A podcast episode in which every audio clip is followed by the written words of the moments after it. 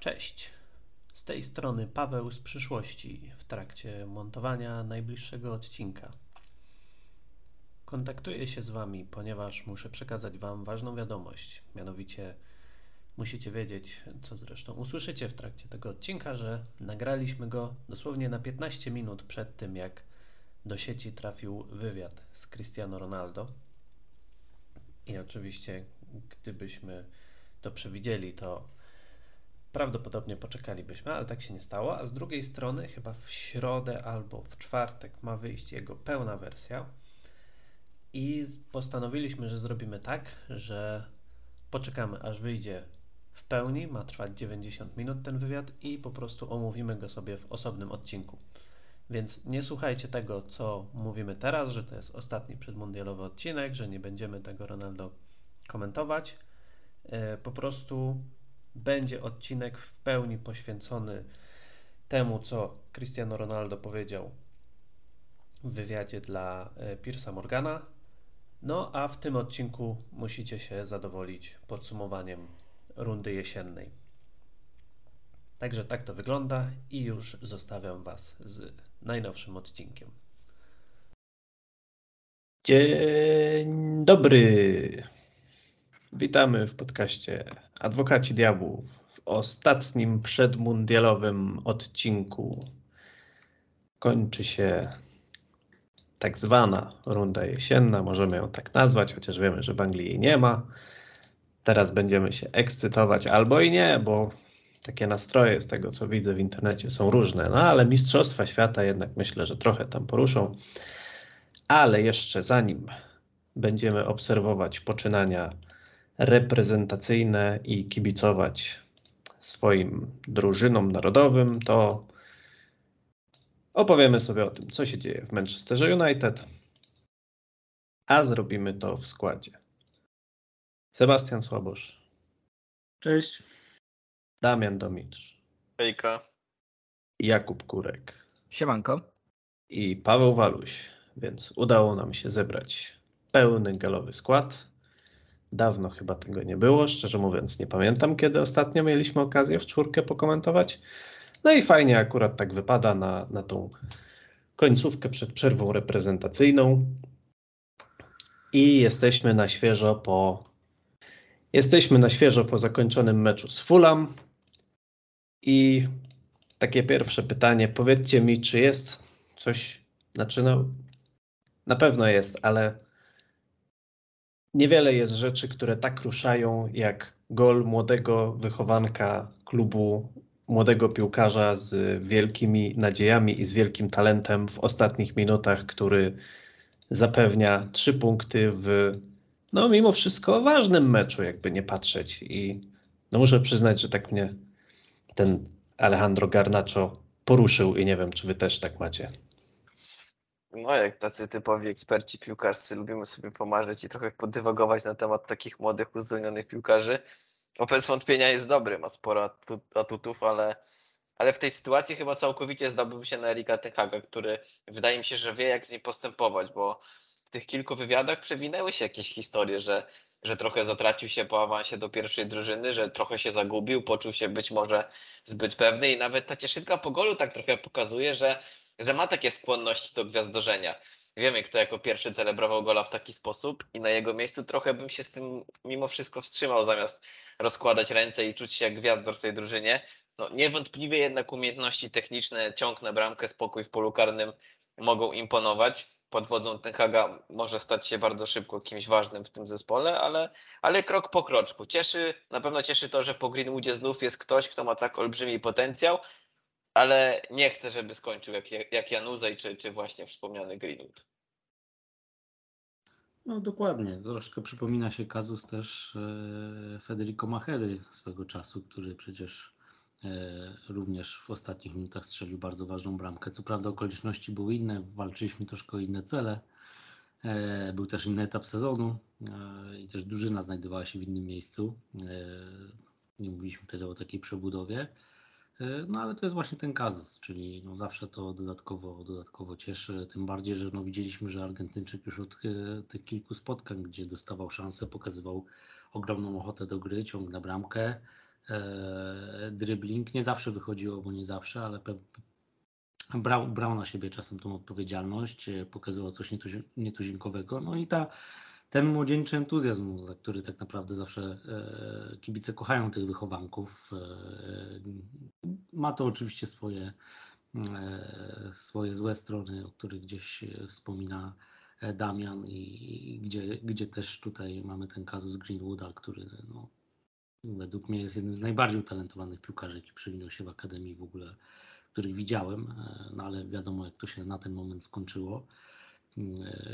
Przy czym no tutaj nie mówimy o walorach czysto piłkarskich, a po prostu pozaboiskowych sprawach. No i miejmy nadzieję, że mimo tych doniesień o tym, że jakieś rysy na, tym, na tej młodzieńczej szkle się pojawiają, no to znajdą się ludzie i, i on sam, czyli że w jego głowie to się wszystko jakoś poukłada, e, ale też znajdą się ludzie w jego otoczeniu, którzy go odpowiednio e, naprowadzą, odpowiednio stonują tam, gdzie będzie trzeba i pchną wtedy, kiedy będzie trzeba, więc e, no wszystko w jego rękach i głowie, tak, no, tak na dobrą sprawę, więc liczę na to, że znów będziemy mieli trochę radości z tego, że, że jakiś młodzieniec przebił się do naszego składu i z, zrobił to z przytupem. Na razie tak jest, zobaczymy jak dalej. Przy, przy obecnej przy obecnej formie Jadona Sancho e, czy Antonego Elangi, no zdecydowanie puka do drzwi e, pierwszej drużyny, nawet nie jako taki e, wchodzący często rezerwowy, ale kto wie, czy nie starter przynajmniej, zwłaszcza jeżeli mówimy o, o jakimś maratonie spotkań w danym miesiącu, więc no cieszy to, że zawsze jest to dodatkowa opcja na skrzydle dla Ten Haga i dodatkowa opcja dla nas, e, aby jednak w takim meczu jak ten dziś z Fulham wprowadzić zawodnika na boisko, który potra będzie potrafił jakąś jedną akcją przechylić tą szalę zwycięstwa, no bo no, tego nam dzisiaj brakowało, więc e, no super, fajnie, że tak, tak to wyszło, trzymam kciuki za dalszy rozwój, ale tak jak mówi Damian, na spokojnie. Nie? Ja tak chcę teraz ładnie zamknąć klamrą ten wątek Garnacho i, i Makedy, ponieważ Garnacho strzelając tą bramkę był e, najmłodszym strzelcem, który strzelił zwycięską bramkę w 90 minucie czy po 90 minucie od czasu właśnie Federico Makedy i 2009 roku, e, kiedy w kwietniu strzelił gola przeciwko Aston Villa e, i Federico miał wtedy 17 lat i 226 dni, a Garnacho ma 18 lat i 135 dni. E, co ciekawe, Paweł e, w komentarzu pod naszym ostatnim podcastem wyjaśnił nam, że Garnacho jeszcze nie jest wychowankiem Manchester United, bo wychowankiem, przynajmniej wedle przepisów, jest zawodnik, który spędził w klubie co najmniej 3 lata w wieku między 15 a 21 rokiem życia, czyli dopiero za rok Garnacho może się stać wychowankiem, bo jest na razie u nas, u nas 2 lata. E, ale na pewno cieszy to, że wyciągnęliśmy takiego zawodnika z e, Atletico jeszcze zanim zaczął kosztować e, miliony, tylko mm, w momencie, kiedy, kiedy kosztował klub pewnie tam kilkaset tysięcy, tysięcy euro, z tego co pamiętam. I bardzo fajnie, że, że ten scouting, scoutingowi udało się wyciągnąć takiego piłkarza. Chociaż my sobie troszkę tak mówiliśmy w ostatnim podcaście o tym, że ten Garnacho jest, jeszcze nas trochę nie przekonuje.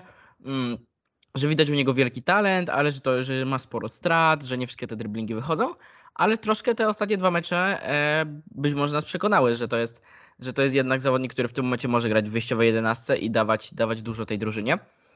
Mm, szczególnie, szczególnie jak zobaczymy to, jakim on przyspieszeniem dysponuje, bo naprawdę w tym meczu z Aston Villą to tam przy linii e, nikt go nie mógł dogonić i to mi się bardzo podobało, bo tacy zawodnicy są potrzebni w Manchester United, e, którzy dysponują dobrą grą 1 na 1, właśnie takim odejściem, przyspieszeniem. Przy tym golu dzisiejszym też e, wydawało się, że nie ma szans dążyć do tej piłki, a jednak dobiegł i, i świetnie wykończył, więc naprawdę cała ta akcja, po której strzelił gola, jak wam mówiłem przed podcastem, to było coś, co tak zostawiło taką, taki słodki posmak przed tym mundialem, że takie, także ten Manchester United w jakąś stronę zmierza, teraz jest przerwa na mundial, ale zapamiętam, że przed mundialem Manchester United był w dobrej formie, chociaż może nie do końca tak było, bo te zwycięstwa nieprzekonujące, jeszcze sobie o tym pewnie powiemy, ale ta ostatnia akcja naprawdę była taka popisowa akcja Erika Ten Haga. No jeszcze tylko dodam do tego, co mówisz, że zdążyliśmy go wyciągnąć e, zanim weszły pobrexitowe zasady, bo teraz musimy wiedzieć o tym, że będzie bardzo trudno wyciągnąć nawet z Hiszpanii czy, czy Włoch, e, czy Niemiec e, piłkarzy, którzy nie ukończyli jeszcze 18 roku życia. No, praktycznie będzie to niemożliwe. A zobacz, Kuba, o czym ja Ci mówiłem w poprzednim podcaście, że my tu mamy jednak, no mamy jakiś wpływ na ten zespół, bo co sobie na kogoś ponarzekamy, to on później gra dobrze, więc teraz też rzuciliśmy taki czar na Alejandro Garnacho, on tam postanowił pokazać nam, że tam, co A wy Ronaldo mówicie, to że... nie działa. No, widzisz, chyba jeszcze nie ten poziom. Musimy trochę tutaj potrenować, żeby na takie gwiazdy jak Ronaldo wpływać. Za nisko skaczemy. Tak. Ale no, tak jak powiedziałeś, czy, czy w dobrej formie Manchester kończy ten, ten etap sezonu, bo teraz dwa zwycięstwa, jedno w Carabao Cup z Aston Villą, takie dosyć e, no dziwny był to mecz, taki mecz dwóch połów, e, pierwszej bardzo nudnej i drugiej bardzo radosnego futbolu. No i to zwycięstwo z Fulham też, jak ktoś spojrzy na e, wynik, no to stwierdzi, no okej, ale przebieg spotkania wcale nie wskazywał na to, że to Czerwone Diabły e, wyjadą z Craven Cottage z trzema punktami, a wręcz mogłoby się, e, mogłoby się wydawać, że to gospodarze są bliżej tego, aby e, finalnie objąć prowadzenie. I w ogóle to Fulham jest bardzo pechowe w dwóch ostatnich starciach z drużynami z Manchesteru, bo kolejkę wcześniej też mierzyli się z Manchesterem City, no i tam w doliczonym czasie gry Erling Haaland znowuż z rzutu karnego e, dał zwycięstwo The Citizens, więc myślę, że podopieczni Marco Silva, no tacy taki skwaszony mają humor za to przed mundialem. I ogólnie mam takie wrażenie, że od meczu chyba z West Hamem wygranego 1-0, no to coś jakby się trochę zacięło. Też na pewno kontuzje robią swoje, ale ta gra nie przekonuje i nawet jak są zwycięstwa, to no właśnie takie też nie do końca y, na boisku nie do końca widać, żeby faktycznie te czerwone diabły dominowały. Więc y, jak patrzycie na te dwa mecze, czy to jest nieważne, ważne, że są wyniki, czy jednak troszkę tutaj jest y, jakiś sygnał alarmowy dla sztabu Erika Tenhaga i trzeba tutaj coś w czasie mundialu wymyślić. Co do tego meczu w Carabao Cup, to ja, to ja nie wiem, czy jak kibic nie wolałbym, żeby Manchester przegrał właśnie ten mecz w Pucharze, a wygrał za Aston Villą ligowy, bo, bo to Carabao Cup to może stać się takie mocno problematyczne w tym, w tym trudnym sezonie, ale z drugiej strony jest to szansa na zdobycie jakiegoś trofeum, które, które może pomóc zespołowi w budowie. A co do samego spotkania, to mimo wszystko mi się wydaje, że to była dominacja Manchester United. Też pokazują to statystyki, pomimo tych dwóch straconych bramek oczywiście. No i na pewno należy docenić tą, tą dwukrotną reakcję na, na gole strzelone przez rywali. Bardzo podobała mi się też końcówka w wykonaniu Czerwonych Diabłów, bo to był taki dojrzały futbol, trzymanie Devina z daleko od bramki i, i szukanie gola zabijającego mecz, który ostatecznie padł za sprawą Scotta McTominaya. Na pewno nie podobał mi się występ kilku zawodników, między innymi Van de Beeka, który wydaje mi się, że przepadł na dobre. Też Harry'ego Maguire'a, który miał kilka takich zapalników, mm, kiedy mogło dojść do poważnego kontrataku po jego niefrasobliwych zachowaniach i, i średnio też zagrał Fred. Mam wrażenie, że, że to spotkanie było właśnie taką szansą dla tych piłkarzy, którzy gdzieś się ocierają tam o ten wyjściowy skład, są na pograniczu gry w podstawowej 11, ale niestety żaden z tych zawodników tej szansy nie wykorzystał. Co do meczu z Fulham, to bardzo dobra godzina gry w wykonaniu United. Pierwsze 60 minut, no pierwsze 60 minut, które, które, które ta godzina gry powinna zakończyć się co najmniej dwu, a być może nawet trzybramkowym prowadzeniem. Mm, Później piłkarze Ten Haga jakby ewidentnie opadli z sił. Wkradło się tak, y, wkradło się sporo niechlujności, chaosu do gry i zamiast próbować dalej utrzymywać się przy piłce, to, to po stracie gola na 1-1 zaczęły się jakieś sygnalizowane długie piłki na, na bezradnego Rashforda czy, czy Martiala. Uważam, że, że duży wpływ na pogorszenie gry Czerwonych Diabłów od, od kilku spotkań ma, ma ta zmiana systemu gry i wprowadzanie dodatkowego środkowego pomocnika e, i przesuwanie Bruno Fernandesza na bok, bo o ile McTominay dał kilka fajnych akcentów, gdy tam obracał się z piłką i, i sunął na bramkę przeciwnika, o tyle chyba sam on do końca nie wie, z jakich zadań ma się wywiązywać, kiedy, kiedy wchodzi gdzieś tam pomiędzy Casemiro i Eriksena. Grał w zasadzie tutaj w meczu z Fulham bliżej napastników i ten Fernandes z boku bardzo się męczy, no bo to też po jego stracie padła, padła ta bramka mm, dla Fulham, ale niestety jednak wspominał chyba o tym Sebastian, jak na razie brakuje nam zdrowych lub wystarczająco dobrych skrzydłowych, którzy, którzy mogliby wzmocnić siłę ataku w razie potrzeby przez, przez te kontuzje. No i tutaj właśnie tym jedynym piłkarzem jest chyba Alejandro Garnacho. Mm, Ja zacząłbym na niego stawiać kosztem Antonego Elanki, który, który jest bardzo jednowymiarowy i w zasadzie to tylko gdzieś tam sobie biega, pracuje w obronie, a, a w ataku jest kompletnie bezużyteczny. Myślę, że ten rewanż z Aston można nazwać przekonującym zwycięstwem. Starcie z Fulham może niekoniecznie, bo po wyrównaniu ta, ta ekipa z Londynu dyktowała warunki gry, ale ostatecznie chyba za bardzo się połasiła na, na trzy punkty i została za to ukarana, a mimo wszystko wydaje mi się, że w szeregach Manchesteru wciąż szwankuje ta skuteczność, bo, bo gdyby stała na odpowiednim poziomie, to w kilku meczach w tym sezonie nie siedzielibyśmy jak na szpik, tylko, tylko komfortowo oglądali sobie meczek do końca. No tak, no w zasadzie od spotkania z City yy, i tej yy, porażki, którą chcieliśmy zapomnieć w tym sezonie, to gdzieś te wyniki Manchester United, to co prawda nie zawsze gra, ale wyniki yy, no były na korzyść. No i przede wszystkim yy, jak tak sobie rozmawialiśmy po poprzednim sezonie, no to, to to nas najbardziej interesowało na, na ten moment, na, na ten sezon, żeby poprawić te wyniki, a styl wypracowywać z czasem. No, myślę, że to mniej więcej teraz e, się dzieje. Oczywiście skutki tego i czy tak faktycznie jest, e, będziemy mogli ocenić dopiero po sezonie, bo jest troszkę za wcześnie. E, Ale oprócz tej rysy na szkle w postaci porażki z Aston Villą, zdecydowanej i, i zasłużonej w Premier League, bo ten mecz nam kompletnie nie wyszedł. Mm, No to gdzieś, gdzieś jednak te spotkania i wyniki przede wszystkim broniły nas, a w wielu, wielu meczach, a, albo chociaż w połowach, bądź dużych fragmentach, też i gra nie była, nie była zła. E, Jeżeli już odnosimy się do tych dwóch spotkań, no to, no to tak jak tutaj Damian mówił, no, pierwszy i też jak Paweł wspomniałeś, no, pierwsza połowa z Aston Villą, no, można było ka- parzyć kawę, herbatę, e, za wiele się nie straciło na dobrą sprawę, jeszcze wyjść na kebaba, a później jakby odmiennie, nie wiem, ktoś przemówił tym piłkarzom w zasadzie jednej i drugiej drużyny, e, że w, że w tym meczu chodzi o to, żeby jednak postrzelać te bramki, żeby awansować dalej. E, No i jedna, druga drużyna strzelała te gole, ale tutaj też podobało mi się to, o czym Damian mówi, czyli charakter naszej drużyny, e, bo jednak dwa razy dostaliśmy tego gonga, mniej lub bardziej niespodziewanie, e, ale bardzo szybko się podnosiliśmy. No, Zresztą po pierwszej bramce chyba już od razu po wznowieniu w zasadzie wyrównaliśmy, więc e, to się mogło podobać, ten charakter drużyny. E, I to, że my chyba tam wykreowaliśmy, nie wiem, 16 czy ileś tych strzałów oddaliśmy w drugiej połowie, no to no, kosmos w porównaniu do, e, do tej e, pierwszej odsłony. No trzeba też brać pod uwagę to, że nastąpiły tam zmiany, no jednak mówimy o Carabao Cup, jedna i druga drużyna wyszła jednak mniej lub bardziej troszeczkę w rezerwowym składzie.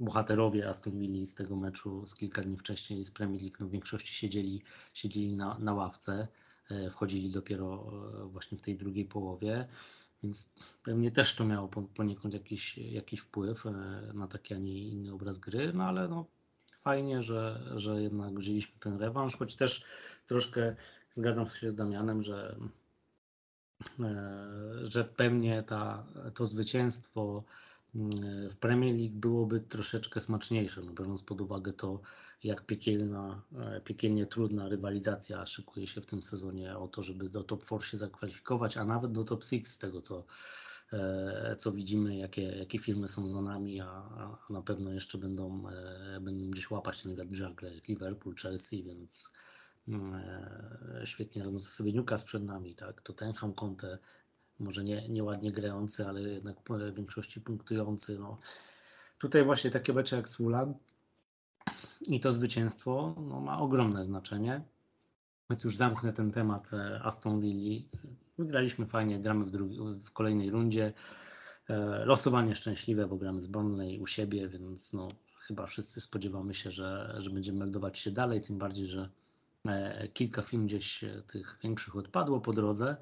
E, no to zawsze, tak jak Damian wspominał, jest szansa, żeby powalczyć jakieś trofeum, bo, bo jednak o tej Ligi Europy, nawet tego Pucharu Ligi, o którym tak niechętnie gdzieś tam wspominamy i, i kategoryzujemy gdzieś na, na, na końcu, e, no też nie udało się, się wygrać, więc zawsze, zawsze to jakaś odmiana. E, ewentualnie coś, co może pchnąć tę drużynę mentalnie też do przodu, bo też wiele razy o tym wspominaliśmy, że, mm, że tutaj widzimy e, największy problem w tej drużynie, że ona gdzieś, gdzieś ta wiara w siebie, te, te, te głowy tutaj piłkarzy no nie są odpowiednio poukładane i, i stąd, stąd też to było widać na boisku, e, bo niewątpliwie ci piłkarze mają dużo większe często umiejętności niż, E, niż widzimy to w stylu sportowym, jaki prezentują na boisku.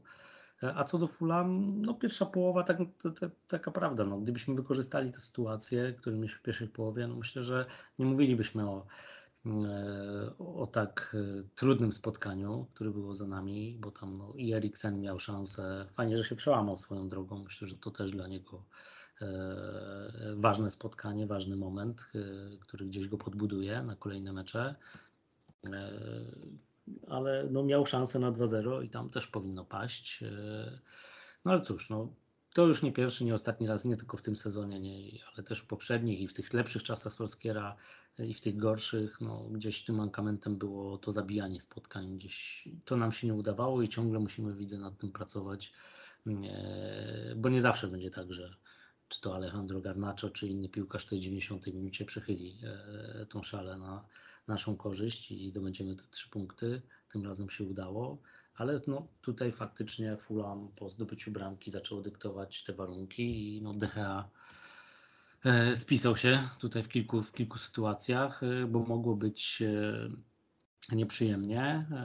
Poza tym według mnie no, przegraliśmy ten mecz, przegrywaliśmy może w ten mecz w pewnym momencie zdecydowanie po prostu w środku pola i dało się trochę odczuć, że to Fulham chyba kupiło Casemiro, a nie my w postaci Panini, bo dla mnie gość zagrał kosmiczny mecz, a ponoć e, chyba jest najlepszy w ogóle w lidze obecnie po, po, po, tej rundzie jesiennej, jak to nazwałeś, jeżeli chodzi o odbiory, grę w defensywie, więc e, no, wygląda, prezentuje się naprawdę świetnie i tutaj wiele ataków rozbitych naszych było właśnie, właśnie przez Portugalczyka, swojego kolegę E, Bruno Fernandesza z Sportingu niedawnego. E, I cóż, no fajnie, że udało się to spotkanie wygrać, e, no ale jak widać to też pokazuje, że jest jeszcze troszkę pracy do wykonania, nawet nie troszkę, a dużo. Miejmy nadzieję, że ten miesiąc, bo też nie wszyscy wyjeżdżają przecież na te zgrupowania na mundial, ten hak z tymi piłkarzami, którzy, którzy zostali odpowiednio przepracuje i przygotuje do, do kolejnego maratonu, który nas czeka po, E, po tych Mistrzostwach Świata.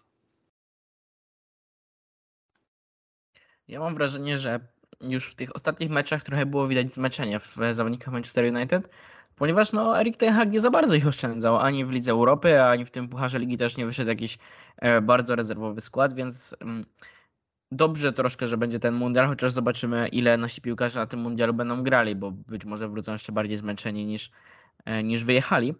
Mm, a co do tych dwóch spotkań, to według mnie to są dwa dość zasłużone zwycięstwa i wskazuje na to dość wyraźnie mm, XG.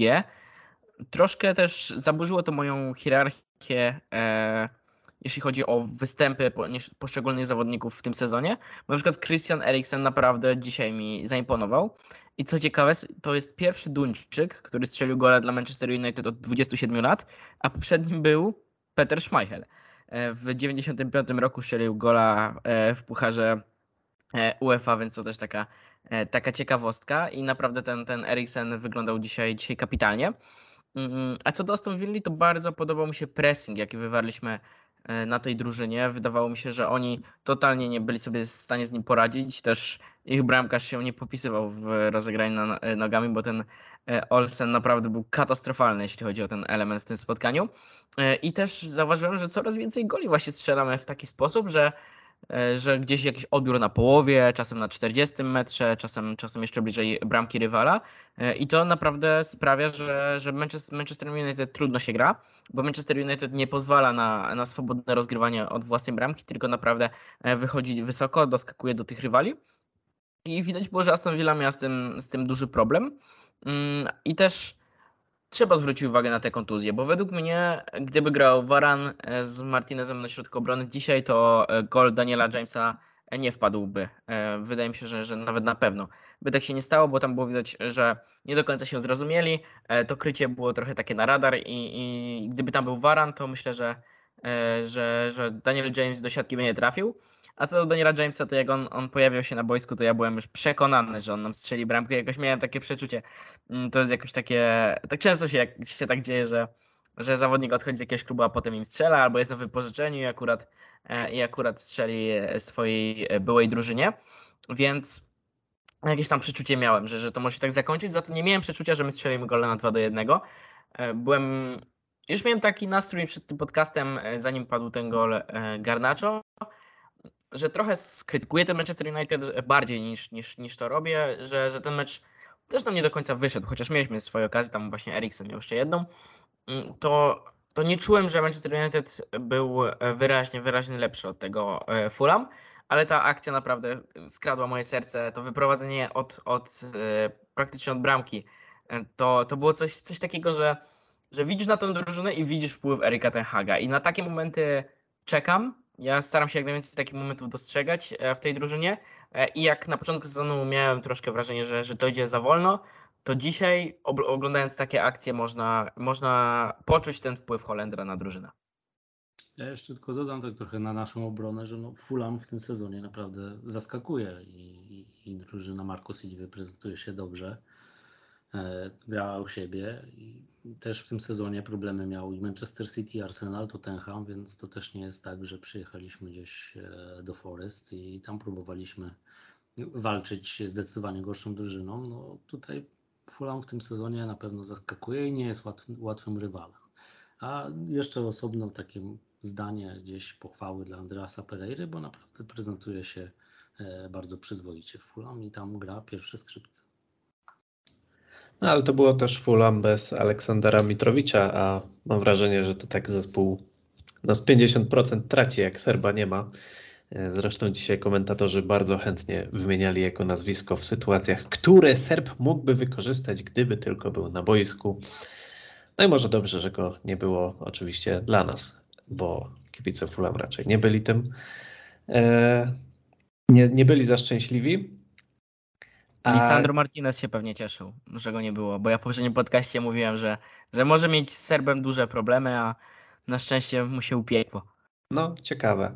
A z, jeszcze odnosząc się do tego, co powiedziałeś, to tak mi się wydaje, że tą, przy tej drugiej bramce to nawet nie tyle Varan by pomógł, co Diogo Dalot na prawej obronie, no bo jednak z tym Malasią to wyszło, tak powiedziałbym, średnio. Tam ta y, prawa y, obrona była dosyć mocno y, eksploatowana przez zawodników Fulham.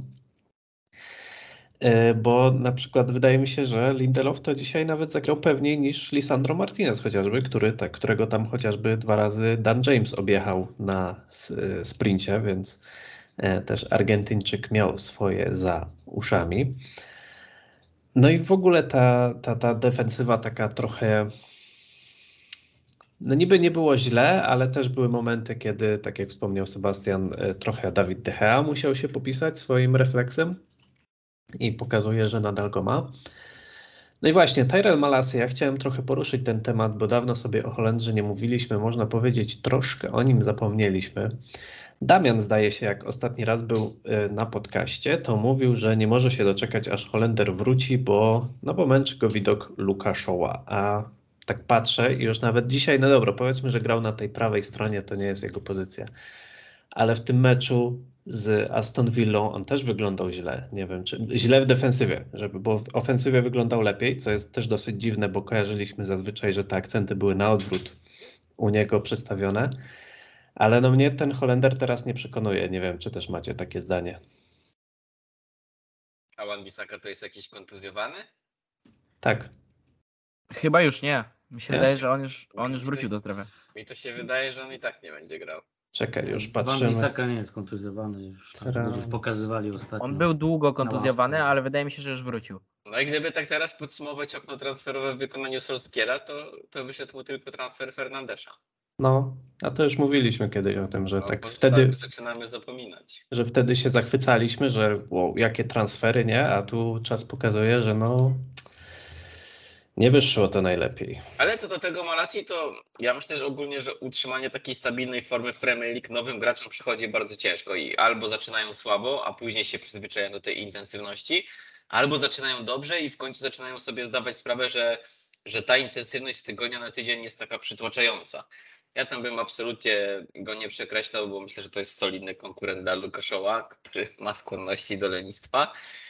No nareszcie jednak zaczął przypominać siebie. A nie wydaje ci się, że właśnie w tych dwóch meczach Malasia też tak troszkę mu się nie chciało wracać do, y, do defensywy? Ja myślę, że problemem Malasji jest to, że on czasami zbyt niepotrzebnie podłącza się do akcji ofensywnych i później właśnie nie, nie zdąży wrócić do tej defensywy.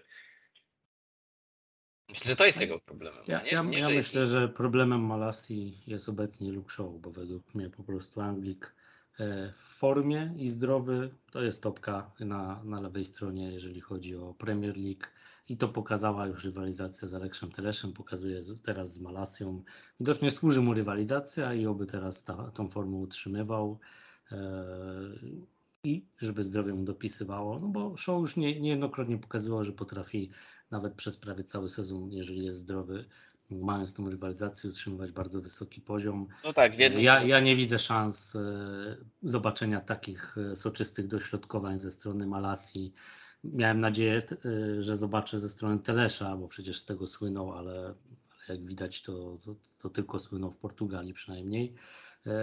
A Show nawet dzisiaj, w zasadzie w każdym meczu można powiedzieć, że da co najmniej jedną piłeczkę na nos, tylko że no niestety tego jeszcze nie wykorzystujemy. Tutaj już kwestia tej jakiejś dziewiątki czy jakiegoś napastnika, o którym też wiele razy po, powtarzaliśmy, ale to już inny temat. Ja jeszcze się wtrącę tylko, bo sprawdziłem y, i według Transfermarktu to już od końcówki października Wan-Bissaka jest dostępny i po prostu nie łapie się do kadry. Nie, no tak jest już mówiono o tym wcześniej, że on jest dostępny, tylko po prostu Erik Ten Hag e, najprawdopodobniej już nie wiąże żadnych planów z Anglikiem, co jest dziwne, ale to temat, który gdzieś poruszymy przy jednym z bloków dzisiaj jeszcze. Znaczy ja poruszę, no okej. Według mnie to nie jest dziwne, bo ja się tego spodziewałem, że Erik Ten Hag nie będzie chciał grać Aaronem Wan-Bissaką, którego największą zaletą było to, że potrafi robić ślizgi.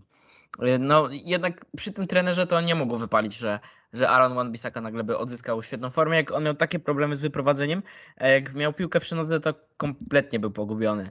Więc Znaczy, wydaje mi dla, się, że... mnie, dla mnie nie jest dziwne to, że on nie gra może, o może tak się tylko wytłumaczę, tylko że w ogóle nie istnieje, o może w ten sposób, nawet jako rezerwowy, jako Że, człowiek, że, który wchodzi na prawą stronę, kiedy nie ma w ogóle innej opcji, bo że przecież... ten hak woli wystawiać y, No, Malasię właśnie o na prawej chodzi, obronie, to, nie? Nawet o to chodzi, nie? Ja No to myślę, w tym, że to bo w tym momencie po co my Etana Larda gdzieś wypożyczaliśmy, nie? Ja to myślę, że ten hak by nie wstał, bo on jest ułomny taktycznie i sobie nie poradzi w grze w pressingu. Przecież Solskjaer też próbował grać pressingiem, chociażby wtedy na Liverpool i, i ile razy obwinialiśmy Wan-Bissakę za to, że wyszedł z, z własnej strefy. Jeszcze wracając do Malasji, chciałbym powiedzieć, że on chyba nie dojeżdża troszkę na poziom Premier League, bo on w tej Lidze Europy naprawdę miał znacznie lepsze, znacznie lepsze występy. Nawet sobie teraz sprawdziłem według SofaScore średnią ocen w Lidze Europy miał 7,12, a według, e, no, według SofaScore w Premier League miał e, 6,50. E, Wiem, że to nie są może wiarygodne dane, ale ja też odniosłem takie wrażenie, że on w tych, e, w tych rozgrywkach Ligi Europy radził sobie lepiej niż Premier League. Ale też nie rozumiem, dlaczego go obwiniacie tak za ten mecz z tą Aston Villą, bo tam według mnie za- zagrał naprawdę nieźle i też dał dwa takie dobre dośrodkowania. Chyba nawet Dalo głów- główkował po jego, jego wrzutce w spotkaniu z Aston Villą, oczywiście w tym e, starciu pucharowym. Mm, Może go trochę brakło w defensywie, ale to, było, to był jeden z jego lepszych występów, mi się wydaje. E, Dzisiaj znacznie gorzej, no ale też nie grał na swojej pozycji. No, najlepszy występ to miał z Liverpoolem, jak schował do kieszeni Salaha. Zdecydowanie, zdecydowanie, ale jak popatrzę na wszystkie jego występy w Premier League, to uważam, że jednak radzi sobie tam znacznie gorzej niż, niż w Lidze Europy. Oczywiście są też e, rywale z innej półki, którzy nie wykorzystują tego, że on się gdzieś tam zapuszcza do ofensywy. Wydaje mi się, że to jeszcze jest taki piłkarz, który, e, który może nas zaskoczyć swoją dobrą formą, jeśli tylko przyzwyczai się do tej, e, do tej gry w Premier League. Ja bym go jeszcze nie skreślał, ale mówiłem tak samo o Aaronie Wan-Bissace, że jak wy go atakowaliście, to wiem, że ja bym go jeszcze nie skreślał, no i w końcu go wszyscy już skreślili. No ale tu nie chodzi o skreślanie, też, no to no. przecież ma- mamy 16 spotkań dopiero w Premier League, jakaś nawet jedna trzecia sezonu, także to, to, to, to nie o tym mówimy, no jak najbardziej dajmy mu czas, tylko po prostu na razie naj, najlepszym e, tutaj efektem tego transferu jest ponownie zwyżkowa forma Lukaszowa, co mnie cieszy, no bo niech, to, niech tak będzie, niech chłopaki się wymieniają, jeżeli jeden będzie lepszy od drugiego w danym momencie, no to tylko liczyć na to, że Erik ten Hag będzie w ten sposób dysponował i rozdysponował składem i, i, jego siłami. Tak, Coś tam się wywróciło. E, Ja też chcę wyklarować tutaj, że w żadnym wypadku Malasi nie zamierzam skreślać i oczywiście to jest jego pierwszy sezon. No, chłopak zrobił duży przeskok z Feyenoordu do e, Manchester United. Wiemy, że liga holenderska, liga angielska no to dwa różne światy. E, I miał fajne wejście. Ja po prostu uważam, że te dwa ostatnie mecze tak e, miał moment może, żeby spróbować nawiązać jakąś walkę o ten skład. No i na tę chwilę wydaje mi się, że faktycznie po prostu Luke Show jest lepszą opcją. A też mam często e, zarzuty do Anglika, no bo faktycznie on e, no, ma swoje mankamenty i myślę, że jesteśmy tego świadomi, chociaż faktycznie e, nawet komentatorzy się śmiali, że robi taką formę turniejową, bo znowu mu zwyżkuje e, forma przed, przed mistrzostwami. E, Kuba, jak ci się by, ci się chciało zobaczyć, to zobacz sobie powtórkę meczu z Aston Villą, jak szły akcje, czy to przy golach, czy przy właśnie ich sytuacjach i zobacz, co wtedy robił e, Malasia i jak wyglądała lewa obrona United, bo e, ona nie istniała w sumie, więc o to mi chodzi, że on, tak jak mówiłem, w ofensywie faktycznie fajnie się prezentował, potrafił tam dobre podanie posłać i coś tam pomóc, ale w defensywie to po prostu źle wyglądało, też y, przydarzały się jakieś problemy z rozegraniem piłki. Wydaje mi się, wydawał mi się taki trochę rozkojarzony, kiedy już miał tą futbolówkę przy nodze i zresztą też pamiętamy w meczu z Omonią albo Szeryfem, nie pamiętam, kiedy tego gola zawalił. To było mniej więcej na tym samym poziomie, jak tak właśnie się, nie wiem, czy zagapił, czy y, tam ktoś mu nie podpowiedział w każdym razie. No ma Holender nad czym y, pracować. No i tak właśnie chciałem tylko nawiązać do tego, że wszedł z buta do składu w sumie, a potem tak troszkę zaginął i no i na razie nie wydaje się, żeby jakieś miejsce w tym podstawowym składzie miał e, znaleźć dla siebie. No poza tym oczywiście, że jest przerwa. Ale czy chcecie jeszcze coś o tych spotkaniach powiedzieć? Milczenie uznaję za odmowę, a więc przejdziemy sobie do tego, że Kuba wykrakał nam losowanie w Lidze Europy i spotkanie z Barceloną. To już było jakiś czas temu, ale nie mieliśmy okazji tego skomentować. Oczywiście prawem Murphy'ego, jeżeli coś się mogło nie udać, to się nie udało. Jeżeli Manchester zawalił sobie y, miejsce w grupie i będzie grał dodatkowy dwumecz niepotrzebny, no to będzie go oczywiście grał z Barceloną, z dumą Katalonii. No i jakie jest Wasze zdanie e, na ten temat? Czy się cieszycie, czy się nie cieszycie? Ja się cieszę. Bo w końcu może obejrzę jakiś mecz w Lidze Europy. Ale A nawet Tak. tego z Sociedad nie oglądałeś? nie. Ale tak, tak- Damian. Tak spoglądając prawdzie w oczy, no stawka jest mocna. Jeżeli chcemy zdobyć to trofeum, to prędzej czy później będzie trzeba pokonać takich przeciwników, bo jest przecież Atletico Madryt, jest Juventus, jest Sevilla, jest Sporting, jest Ajax, jest Arsenal. Myślę, że też sami piłkarze czekają na stację z takim, z takim rywalem, z taką marką. Jeszcze 12 lat temu te kluby mierzyły się ze sobą w finale Ligi Mistrzów. Dziś znajdują się w zupełnie innym momencie swojej historii, bo, bo próbują wrócić na czerwone dywany, ale to dobry mecz dla tych rozgrywek, frajda dla kibiców, namiastka wielkich wieczorów na Old Trafford. A czego chcieć więcej? Ja też mam zamiar napisać taki tekst przed, przed tym spotkaniem z Barceloną, ponieważ dla mnie to jest takie trochę nostalgiczne starcie, ponieważ ja właśnie zaczynałem kibicować Manchesterowi United, no troszkę przed, bo tam e, jeden sezon wcześniej, zanim Manchester United e, mierzył się z Barceloną w finale Ligi Mistrzów, wtedy co przegrał 1 do 3. E, I pamiętam, że ja całe swoje kibicowskie życie e, spierałem się z moim kuzynem, który był za Barceloną e, i pamiętam, że to było takie starcie, że wiecie, strasznie się napinaliśmy przed nimi i to był taki moment, gdzie i Manchester e, i Barcelona były u szczytu chwały, I dziś, kuzyn miał rację. A dziś jesteśmy w takim miejscu, kiedy i Manchester i Barcelona są na bardzo mocnym zakręcie. E, I ile się zmieniło przez te, przez te 12 lat w obu tych klubach i i jak sobie źle wybraliśmy, że kibicujemy akurat, akurat tym zespołom i ja zdecydowanie nawet gorzej, bo on jeszcze przeżył e, kilka lat chwały, nawet po Trino za Luisa Enrique, a ja po e, ostatnim mistrzostwie Alexa Fergusona to, to już tak patrzę na te Manchester i tylko wzdycham. Nie no, Liga Europy, Puchar Anglii, no nie przesadzaj.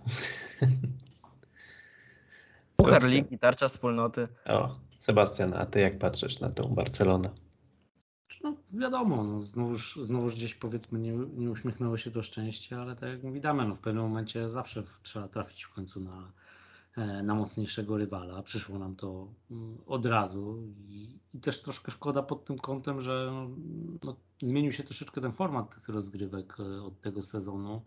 Jak dobrze wiemy, zajmując pierwsze miejsce e, w grupie, w ogóle nie graliśmy w lutym w europejskich pucharach, tylko dopiero zaczęli w marcu, bo to są mm, tak to teraz nazywają playoffy do w ogóle e, tych knockoutów, tak? Więc e, to, że zajęliśmy drugie miejsce, zabrakło tej jednej bramki na dobrą sprawę, więc e, no niewiele. A mimo to mieliśmy 15 punktów w grupie, chociaż no rywale, nie oszukujmy się, nie, powalali, jeżeli chodzi o, o, o siłę, a i tak toczyliśmy boje. E, No i jakby efektem tego jest e, to, gdzie jesteśmy. No, z jednej strony szkoda, bo dwa mecze, które gdzieś nam dodatkowo dorzucą do nóg e, gdzieś zmarnowane, rozłożone siły, a też Kuba o tym wspomniał i, i też to zauważam i widzę w tym problem w długoterminowym ujęciu, e, jeżeli chodzi o, o sezon i walkę o e, czy to top 4, czy, czy jakieś trofea e, że jeżeli będzie trzymał się kurczowo jednak tylko tych e, piłkarzy, mało rotował, no to, to, to zmęczenie prędzej czy później będzie coraz mocniej wychodzić. E, A tu mamy dwa dodatkowe mecze i to dwa mecze z e, bardzo solidnym rywalem, niezależnie od tego, w jakim, e, na jakim zakręcie jest, chociaż no, walczą o mistrzostwo, jakby nie było. No, zrobili takie transfery, jakie zrobili e, między innymi przecież Robert Lewandowski, więc to też dla, gratka na pewno dla polskich kibiców Manchester United, e, ten dwumecz. I tutaj znowuż argumenty przemawiają e, Damiana, e, że no fajnie będzie zobaczyć taki dwumecz. Szkoda, że na tym etapie, a nie na późniejszym, e, bo tutaj bardziej gdzieś e, fajniej byłoby taki półfinał, dwumecz półfinałowy zobaczyć ewentualnie gdzieś finał, ale no cóż, no musimy, musimy się zmierzyć już teraz. Y, Będzie to na pewno mm, fajny, porządny test dla, dla Erika Tenhaga. Nie wiem też, czy, czy, czy dla Szawiego, bo nie wiem, jak tam będą wyglądały, e, będzie wyglądała sytuacja trenera Barcelony. Y, No ale daleko za Realem też nie są, więc wydaje mi się, pomijając ten blamasz e, w tej, w tej Lidze Mistrzów, gdzie jednak no, nie mieli łatwej grupy, też się umówmy, no, będą mieli okazję też. Dla, to będzie i dla nich test, i dla nas test, tak?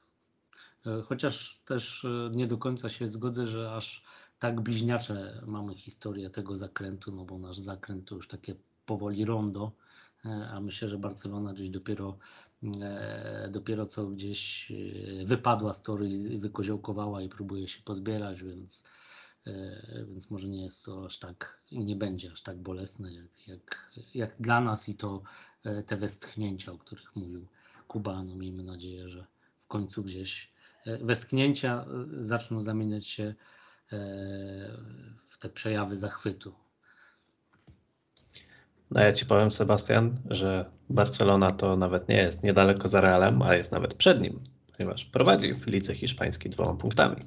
Ale tam chyba mecze są nierówne, czy? Nie, tyle samo mają. Tak? O, no to Tak. widzisz, to nawet nie zaktualizowałem sobie wiedzy tabelowej, ale tak kojarzyłem po tym ostatnim El Clasico, że, że gdzieś tam, tam się rozmyli, nie? O trzy punkty. No to Tak, widocznie- ale ostatnio Widocznie Real, się popotykał. No tak, wtopił z kimś tam, nie To, pamiętam to z kim. dzięki za, za y, tutaj uwagę. W każdym razie ja się nie cieszę, bo, no bo chciałbym, jak już spotkamy się z tą Barceloną w Lidze Europy, co już no, mówi trochę o tych dwóch klubach, w, jakim, w jakiej są sytuacji, nie da się ukryć. No to już chciałbym to w jakimś półfinale czy finale, już mówiłem to w poprzednim podcaście, że taki mecz w tej fazie knockoutu, no to takie. Hmm, no może i będą emocje, może i będą takie wspomnienia, właśnie nostalgia, ale, no ale powinno być inaczej. Ale jak wiemy, świat nie jest taki, żeby było tak, jak my chcemy. E, I tutaj posłużę się, znaczy przeczytam komentarz jednego z naszych widzów na stronie, mianowicie MLMU lub też MLMU. Napisał dwie drobne uwagi. Dzisiejszy Manchester United nie jest jeszcze niestety w formie, która pozwoliłaby mu się nie spocić z Bayerem Leverkusen czy kimkolwiek innym. Zresztą później pan Paweł, tutaj wtrącę drobną uwagę, myślę, że zarówno ja, jak i e, tutaj panowie pozostali wolimy jednak panami nie być, stawiamy na taką mniej y, oficjalną y, atmosferę, więc śmiało walcie tam po imieniu, chyba że któryś tam się obrazi, to, to dajcie teraz znać, jak ten. Y, idąc dalej. Sam przyznał, że męczyliśmy się z Omonią niemiłosiernie w obu spotkaniach, z Realem też zdziesiątkowanym przez kontuzję, tylko remis dwumeczu, z Realem Sociedad oczywiście. Także ta Barcelona jest dobrym rozwiązaniem, bo albo grają mocnego rywala i to ich chociaż na chwilę zbuduje, albo 180 minut dobrego treningu i możemy się skupić na Premier League w pełni. No, ja nie do końca jestem takiego zdania, ponieważ yy, wiem, że modne jest depresjonowanie Ligi Europy i mówienie, że to jest puchar pocieszenia, ale trzeba też pamiętać, że po pierwsze to jest trofeum, yy, którego, których Manchester United ostatnio brakuje i nawet taka Liga Europy mogłaby być fajnym fundamentem pod to, żeby dalej coś budować. A po drugie, to jest e, kolejna droga do zwycięstwa w Lidze Mistrzów. No jak tutaj już troszkę sygnalizowaliśmy, czy w tej lidze się uda tą czołową czwórkę zdobyć? No wcale nie będzie tak łatwo, biorąc pod uwagę, że trzecie miejsce zajmuje Newcastle, a za nami jest y, chociażby Chelsea czy Liverpool, które też na pewno do końca sezonu będą starały się odwrócić tutaj swoją sytuację. No i ja tak powoli jestem takiego zdania, tak patrząc i właśnie na tę sytuację, i na rywali, że bez wzmocnień zimą może się nie udać tej, tej czołowej czwórki zdobyć, a nie wydaje mi się, żeby jakieś znaczące wzmocnienia zimą zostały poczynione. No i może się okazać, że ta Liga Europy to tak naprawdę będzie też takie właśnie taki ważny front, żeby w tej Lidze Mistrzów jednak w przyszłym sezonie zagrać. Bo też, też byłby mocny argument, no ale jak tu wspominał Damian, tutaj również trudnych rywali nie będzie brakować, bo też pospadały wielkie firmy z Ligi Mistrzów. I oczywiście e, zgadzam się z tym, że to wcale nie jest tak, że z Bayerem Leverkusen to byłby spacerek, no bo wiadomo, że mm, każdy zespół będzie tutaj próbował jakoś e, no, zaznaczyć swoją pozycję i też na pewno będzie się motywować na starcie z Manchesterem United. No ale chyba możemy się umówić, że teoretycznie takie spotkanie z Bayerem może być łatwiejsze niż z Barceloną, chociaż z drugiej strony Czerwone Diabły już pokazywały, że potrafią się motywować na y, lepszych przeciwników, czy teoretycznie silniejszych o wiele bardziej niż na przykład na starcia z rywalami teoretycznie słabszymi. I robili sobie problemy przez to. Dobra, losowanie mamy za sobą, więc teraz poproszę Was o to, o co prosiłem, żebyście sobie przygotowali, czyli robimy małe podsumowanie tej tak zwanej rundy jesiennej i poproszę, abyście wzorem tego, co zaproponował Kuba w poprzednim odcinku, zaproponowali top 3 najlepszych graczy Manchester United tego okresu oraz top 3 rozczarowań jak do tej pory. To może zacznijmy od topek. No. Zacznijmy od topek. No to u mnie na pewno na pierwszym miejscu będzie Christian Eriksen. Bo i też chciałbym przypomnieć w sumie, jak mówiłem przed sezonem, że, że to może być nasz najlepszy transfer. Bo po tych kilku latach z Polem Pogbą przyjemnie patrzy się na kogoś tak odpowiedzialnego, spokojnego i kreatywnego. Dla mnie to zupełnie inny poziom komfortu, kiedy widzę go w pierwszym zespole i, widać też, jak, jak doskonale rozumie się z Bruno Fernandeszem. Szukają się na murawie i, i większość tych akcji jest rozgrywana właśnie przez nich. Mecz z Fulem to, to dobry argument na tę tezę. Myślę, że też Duńczyk rozwiał nasze wszystkie obawy, jeżeli chodzi o, o przygotowanie fizyczne, bo w każdym pojedynku daje radę. Jasne, może irytować czasami jego szybkość fizyczna, ale to ten przypadek, w którym, którym większe znaczenie ma szybkość umysłu i umiejętność podejmowania odpowiednich decyzji, a, a te Eriksen ma, ma nieomylne. Na drugim miejscu Casemiro. Myślę, że jego wpływ widać najbardziej, gdy, gdy Manchester United znajduje się pod pressingiem ze strony rywala, bo, bo nawet dzisiaj w meczu z Fulham kilkakrotnie to dzięki niemu napędziliśmy ataki. Wydaje mi się, że potrafi zagrać piłkę do partnera tyłem, tyłem do bramki przeciwnika. Ostoja spokoju, umiejętność ustawiania się na murawie i tak jak mówiliśmy od dwóch lat, że, że potrzebujemy takiego defensywnego pomocnika z prawdziwego zdarzenia, tak, tak teraz go mamy. No i na trzecim miejscu oczywiście nie mógłbym nie wymienić Lisandro Martineza, bo to totalny kot, lider zespołu, najbardziej wyrazista postać w drużynie i w zasadzie to chyba nie trzeba o nim nic więcej mówić, bo gdybyśmy nie mieli takiego obrońcy, to myślę, że wróciłyby demony z poprzedniego sezonu. Czyli Damian poszedł w kierunku transferów, widzę. Tak, Damian y, wychwala tę strategię transferową. Tak, tak, zdecydowanie, ale z tym to zawsze lubię się wstrzymać do końca sezonu, a nawet i później. E, No dobrze, no dobrze, chociaż będziemy się różnić, że tak powiem. E, cho- Choć tutaj e, też zbieżność występuje w przypadku Martineza, bo według mnie pewnie też największe zaskoczenie może w ten sposób, e, bo też były, było dużo dywagacji, czy będzie sobie radził, czy nie będzie sobie radził, już pomijając jego warunki fizyczne e, i te kwestie, które, które były gdzieś tam poruszane, no to faktycznie obecność Argentyńczyka na boisku e, i to jak wskoczył do składu i jaki taki wpływ e, wydaje się ma na, na tą linię defensywną, e, jaką taką aurę pewnego spokoju, takiej zadziory roztacza wokół siebie, e, no to jest e, bardzo pozytywne zaskoczenie. E, i tutaj na razie postrzegam to jako najbardziej wartościowy transfer, ale zobaczymy, zobaczymy jak, jak to będzie wyglądało dalej. Tym bardziej, że no pomijając, że w ostatnich meczach znów, znów posypało się trochę bramek, no ale posypał nam się też Rafael Varane. Mm, e, Ale był już taki okres, gdzie jak nie kojarzy, nie kojarzeni byliśmy z tego, że zachowujemy czyste konto, no to między innymi dzięki Argentyńczykowi e, była seria spotkań, gdzie, gdzie to czyste konto i ta pewność defensywie była. E, Teraz też raczej przystępując do, do meczów i gdzie Martinez jest w wyjściowym składzie, ma się jakąś taką większą, większą pewność, że, że nie będą się działy jakieś niesamowite dantejskie sceny pod naszą bramką, co nie znaczy, że, że to się też nie zdarza czasami, no ale, ale powolutku do przodu, więc to jest, to jest numer jeden. Mm, Numer dwa, e, kolejność, e, kolejność nie, nie ma znaczenia, po prostu numer dwa dla mnie Marcus Rashford, e, za to, że w końcu e, widać u Anglika powrót do tej, może jeszcze nie najlepszej dyspozycji, ale ewidentnie zmierzający w tym kierunku, zresztą nasz najlepszy strzelec obecnie, chyba 8 bramek, do tego z 3 czy 4 asysty. Myślę, że to całkiem, całkiem przyzwoity wynik.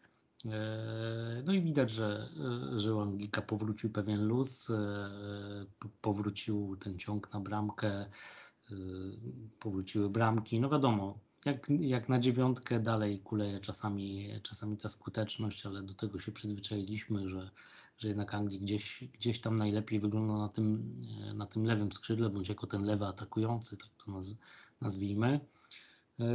I numer trzy, no Diogo Dalot, jak dla mnie, E, a to dlatego, że jestem bardzo zaskoczony tym, jak to się teraz potoczyło, bo jednak mówiliśmy, myśleliśmy raczej o Portugalczyku jeszcze niedawno jako, zresztą był przecież w Milanie na wypożyczeniu i mówiło się, że może będzie jakaś próba wykupienia, nie wykupienia i raczej myśleliśmy o nim jako piłkarzu, który już e, jednak te swoje szanse otrzymał, nie, nie za bardzo z nich skorzystał.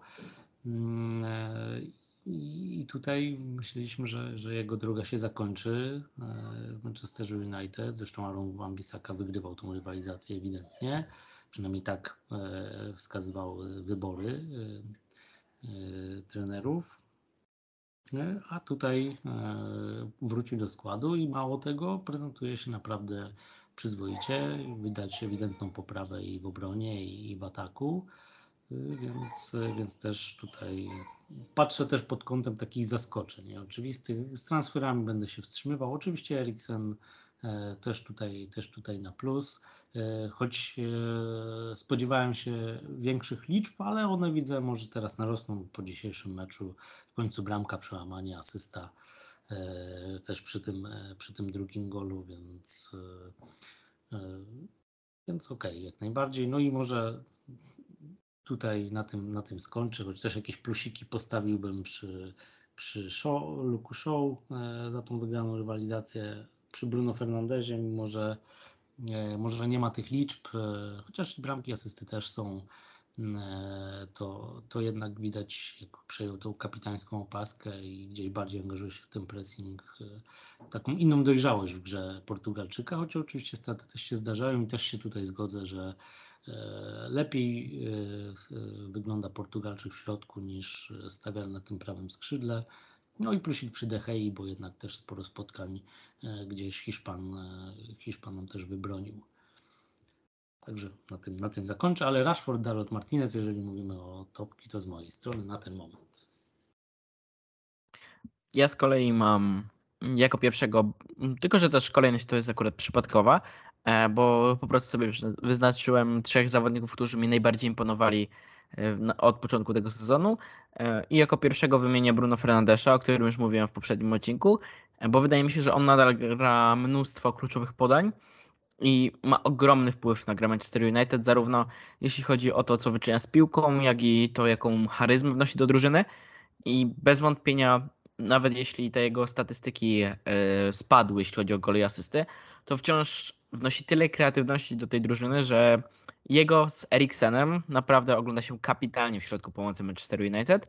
Dlatego na, jako drugiego mam właśnie Christiana Eriksena, który troszkę mnie zaskoczył e, tym, jak świetnie sobie radzi w Manchester United i jak wielki ma wpływ na, na grę drużyny. Wiem, że się powtarzam, bo o Bruno też mówiłem, że ma wielki wpływ, ale jeśli obejrzymy akcje bramkowe Manchester United od początku sezonu, to jakoś dziwnie w każdą e, gdzieś tam był zamieszany ten, ten Eriksen i e, nawet jeśli patrzymy na wyprowadzenie piłki, to ten Eriksen jest naprawdę taką postacią, wokół której obraca się cała gra, gra zespołu, jest takim mózgiem tej drużyny i też e, jest w stanie bardzo dużo biegać, bo w niektórych meczach naprawdę wybiegał najwięcej, co bardzo mi imponuje. I nad Miejscem trzecim się zastanawiałem, ale chyba zasługuje na to Lisandro Martinez.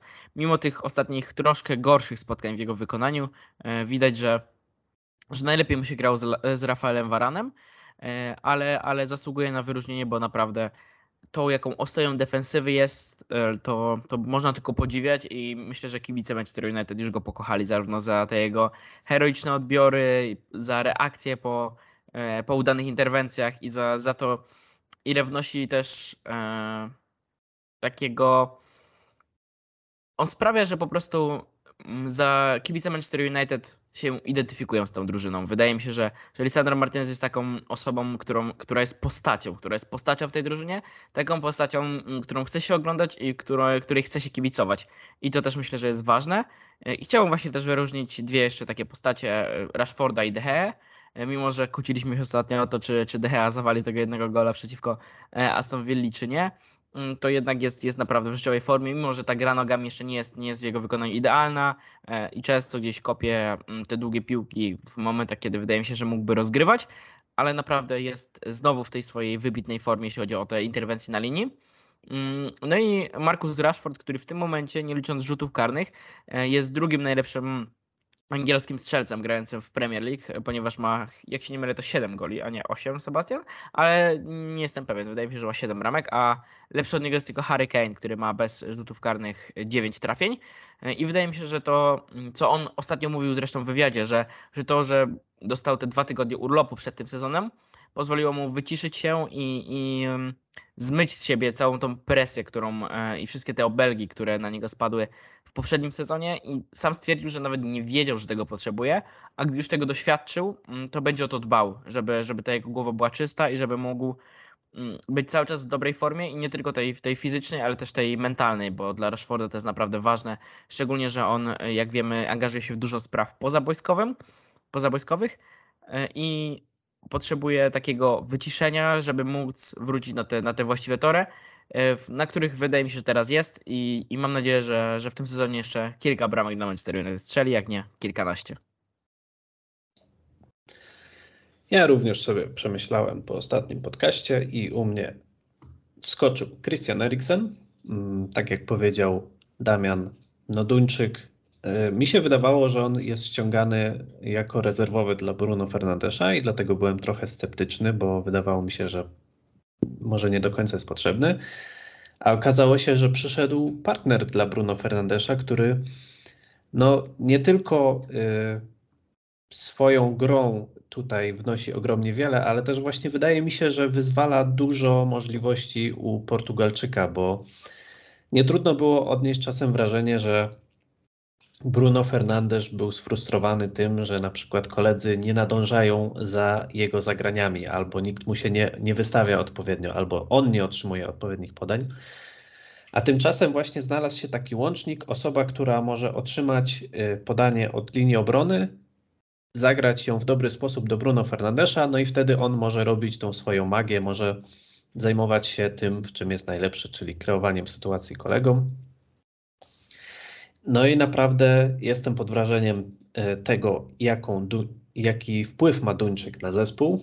Aż byłem dzisiaj zaskoczony, że on dopiero pierwszego gola strzelił, bo tak się wydaje, że on tam co chwilę jest coś zamieszany. No i faktycznie tych liczb troszkę może brakuje, ale jakby taką pracę boiskową, którą on wykonuje, no to jest wręcz nieoceniona i tak e, jak było to spotkanie z Aston Villą, to mieliśmy taki malutki wehikuł czasu, ponieważ w środku obrony zagrali e, Maguire z Lindelofem, a w środku pomocy McTominay z Fredem. No i, no i to pokazuje, kurczę, jak, jak jednak e, jakie duże zmiany zaszły i, i że jednak troszkę idzie do przodu ten Manchester nawet w mm, na takim kadrowym poziomie i że jednak dużo dają tacy zawodnicy jak, jak Christian Eriksen, który umie dobrze rozgrywać piłkę. I druga osoba też, y, która jest częścią tej zmiany, to jest Lisandro Martinez. Umieściłbym tutaj Rafaela Varana, ale Argentyńczyk wygrywa swoją dostępnością po prostu, bo Francuz, Francuz już dwa razy przez kontuzję mm, musiał pauzować, czy w tej chwili też musi. E, A Argentyńczyk no, gra od dechy do dechy. Jasne, zdarzają mu się słabsze występy, ale to jest ogólnie zarzut tak naprawdę dla, całej, dla całego zespołu i widać, że to jeszcze nie jest e, drużyna, która potrafi utrzymać formę równą przez kilka spotkań i że te zawahania będą się pojawiać. No a też mówimy o gościu, który wskoczył tutaj z ligi holenderskiej. Kwestionowało się jego warunki fizyczne, no a gość okazuje się szefem. I ja też u niego lubię to, że on nie jest brutalem, ale ma taki charakter, że nie chcesz z nim zadzierać, że po prostu widać, że jak on się czasem popatrzy nawet na kogoś, to po prostu no aż mogą ciarki przejść i że walczy tyra na tym boisku, nawet jak mu coś nie wyjdzie, no to wiadomo, że on będzie po prostu biegł y, do, biegał do ostatnich minut, walczył, przepychał się, kopał, wybijał. No naprawdę pokazuje ogromny charakter i też wcale nie mniejsze umiejętności i mam nadzieję, że na dłuższą metę razem z Alejandro Garnacho tutaj odczarują nację argentyńską dla y, Manchester United, bo na pewno byłoby to z korzyścią dla zespołu. I jako trzeciego zawodnika umieściłem sobie Diogo Dalota. No tak jak już mówiliście, też wy zaskoczenie. Y, Myślę, że nikt z nas się nie spodziewał, że w końcu słowa Jose Mourinho się urzeczywistnią i że będziemy mieć spokój na prawej stronie. No taki względny, bo jednak pokazuje chociażby dzisiejszy mecz, że tego zastępstwa brakuje, kiedy Portugalczyka nie ma. Ale naprawdę imponuje mi to, jaką drogę on przeszedł i jak się teraz prezentuje, zarówno w ofensywie, jak i w defensywie. Może to nie jest taki poziom e, piłkarza, którego wskazywalibyśmy jako jednego z najlepszych w, na świecie, czy, czy nawet w lidze, chociaż w lidze może tak, ale na pewno e, daje dużo zespołowi i też, też mi się wydaje, że również charakterem, że jest takim dobrym duchem, że tam widać jak przybija te piątki, jak krzyczy, jak motywuje i że stał się taką osobą istotną dla tego składu, która, która dużo też daje właśnie e, swoim charakterem. Więc tutaj duży plus. E, no i tak się prezentuje trójka. Też pochwały dla graczy, których wymieniliście, bo na pewno na nie zasługują, czy to Bruno Fernandes, Dawid De Gea, Marcus Rashford, fajnie. Jeszcze bym powiedział tak nieśmiało Antony Martial, ale bardzo nieśmiało, no bo wiemy, że większość tego nie było, ale no trzeba przyznać, że kiedy gra, no to troszkę to lepiej wygląda niż chociażby z pewną osobą, która mam wrażenie, że może być za chwilę często wymieniana, ponieważ będziemy mówić sobie o top trzech rozczarowaniach do tej pory. I może teraz w drugą stronę, Kuba, zacznij. Jacy trzej gracze najbardziej Cię rozczarowali? No nie, ja liczyłem na to, że jeszcze sobie chłopaków posłucham, bo, bo brakuje mi trzeciej postaci. Dobra, to jak ale- nie chcesz, to, to Damian jedziesz. Okej, dobra, dzięki. Pierwsza dwójka nie będzie u mnie żadnym zaskoczeniem. Myślę, że największym rozczarowaniem tej rundy e, jest Cristiano Ronaldo. Chyba za bardzo nad tą kandydaturą nie muszę się rozwodzić, bo każdy wie, jaki jest problem z Portugalczykiem. Nie dopuszcza do siebie myśli, że jego era dobiegła końca i, i z każdym sezonem będzie gorzej. Ja sobie nie wyobrażam go e, już w tym zespole. Mm, Na pewno nie wyobrażam sobie go do końca sezonu a tym bardziej nie w następnej kampanii. Nie pasuje ani do stylu gry Ten Haga, a przede wszystkim zakłóca harmonię zespołu i, i niech odejdzie, zanim zburzy swoją legendę. Mm, Drugim takim największym rozczarowaniem, myślę, że tutaj będę zgodny z Sebastianem, jest e, Jadon Sancho, bo za Ralfa Rangnika wydawało się, że, że wreszcie obierze odpowiedni kierunek, ale kompletnie nie przypomina siebie z Bundesligi. Skądś to znamy i i chyba dobrze, że przerzucamy się na transfery z Eredivisie. No apatyczny w tym sezonie, nieodpowiedzialny, zagubiony. Mm, Jeden dobry mecz z Liverpoolem w zasadzie, może drugi jakiś tam był w Lidze Europy, że strzelił gola i wpisał się naprawdę dobrze. Nie pamiętam z jakim to było przeciwnikiem.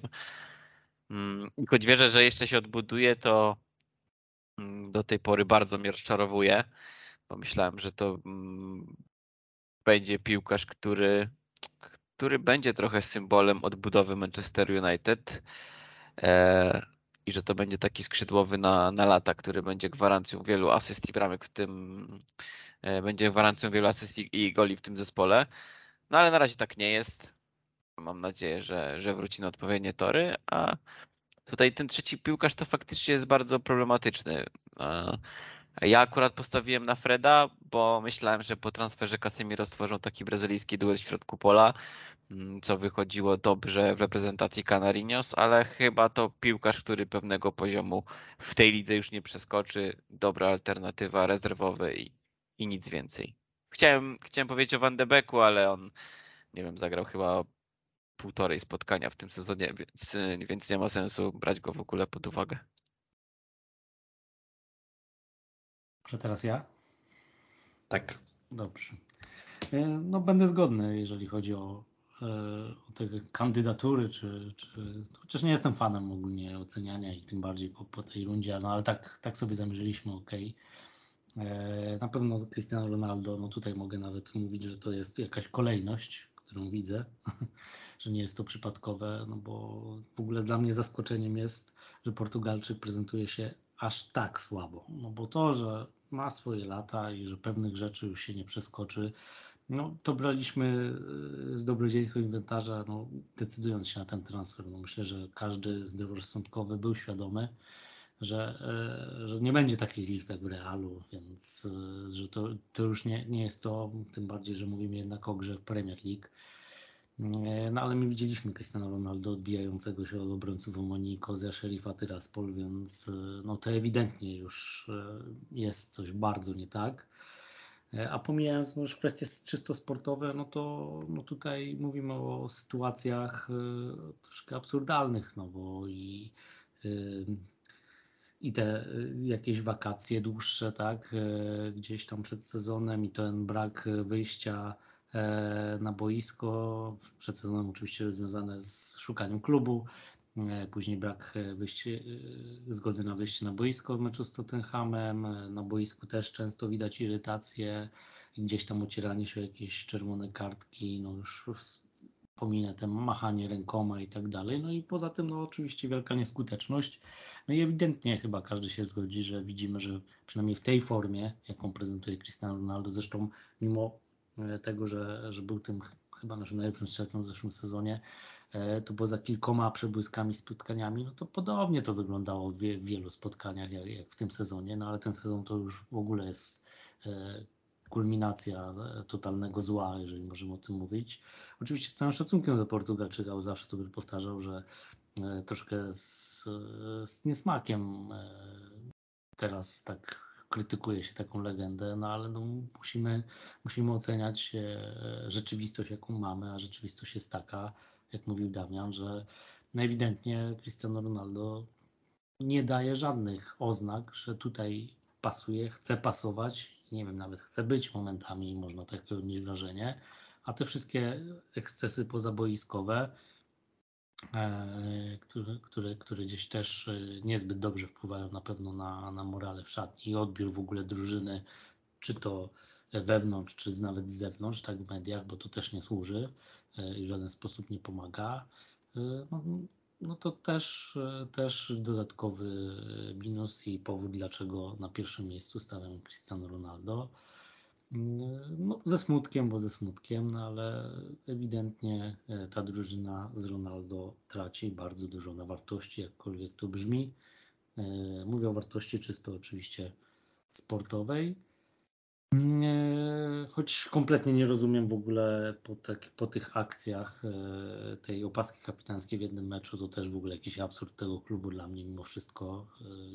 Jakiś minu, minusik ode mnie dla Ten Haga za tą rundę. E, No ale okej, to tam powiedzmy jakiś wybryk. E, Drugie miejsce, zgodnie również z Damianem Jadon Sancho. No biorąc pod uwagę oczekiwania, jakie były, e, liczby, jakie wykręcał, liczby, jakie my wkręciliśmy w ten transfer, no, no zdecydowanie można powiedzieć, że Anglik dalej mocno nie dowodzi. Co prawda były dwie bramki, całkiem niezły tam początek sezonu. Troszkę mówiliśmy, że a, o, może jednak odżył, może nie, ale no pomijając, że teraz jest chory i wypadł ze składu, no jednak jak gra na, i występuje, czy to na prawej nawet, czy na lewej stronie, e, no w wielu meczach gdzieś znika, nie daje na pewno tego, czego byśmy chcieli, żeby dawał i choć jeszcze dajmy mu trochę czasu, to to ja cały czas obawiam się, że mamy kazus kolejnego e, pola Pogby troszeczkę, może powiedzmy, nie chodzi mi o charakterystykę piłkarzy, bo to są w ogóle troszkę z innej bajki e, zawodnicy, ale takiego wyczekiwania, że będziemy czekać później trzeci, czwarty sezon, że może to już ten sezon, no przecież daliśmy za niego tyle pieniędzy, może, mo, może teraz się przebudzi. No mam nadzieję, że nie. Mam nadzieję, że tak jak i Rashford po dłuższej dłuższej przerwie gdzieś, e, gdzieś, gdzie zatracił tą formę i bardzo słabo wyglądał. Taki Sancho, nie wiem, może też potrzebuje jakiegoś urlopu. Zresztą będzie go miał, bo akurat nie znalazł uznania e, u Southgate'a i nie pojedzie na Mistrzostwa Świata, więc, e, więc może to, to nawet na dobre mu wyjdzie. Może też oczyści sobie troszeczkę głowę i, i z jakąś świeżością wróci i odnajdzie gdzieś E, Bo może to jest problem głowy, no bo też często o tym, o tym gdzieś wspominam, że to jest bardzo istotne, te, te odpowiednie nastawienie i, i odpowiednia tutaj mentalność przy- w parze z, z, tym, z tym, co się prezentuje na boisku.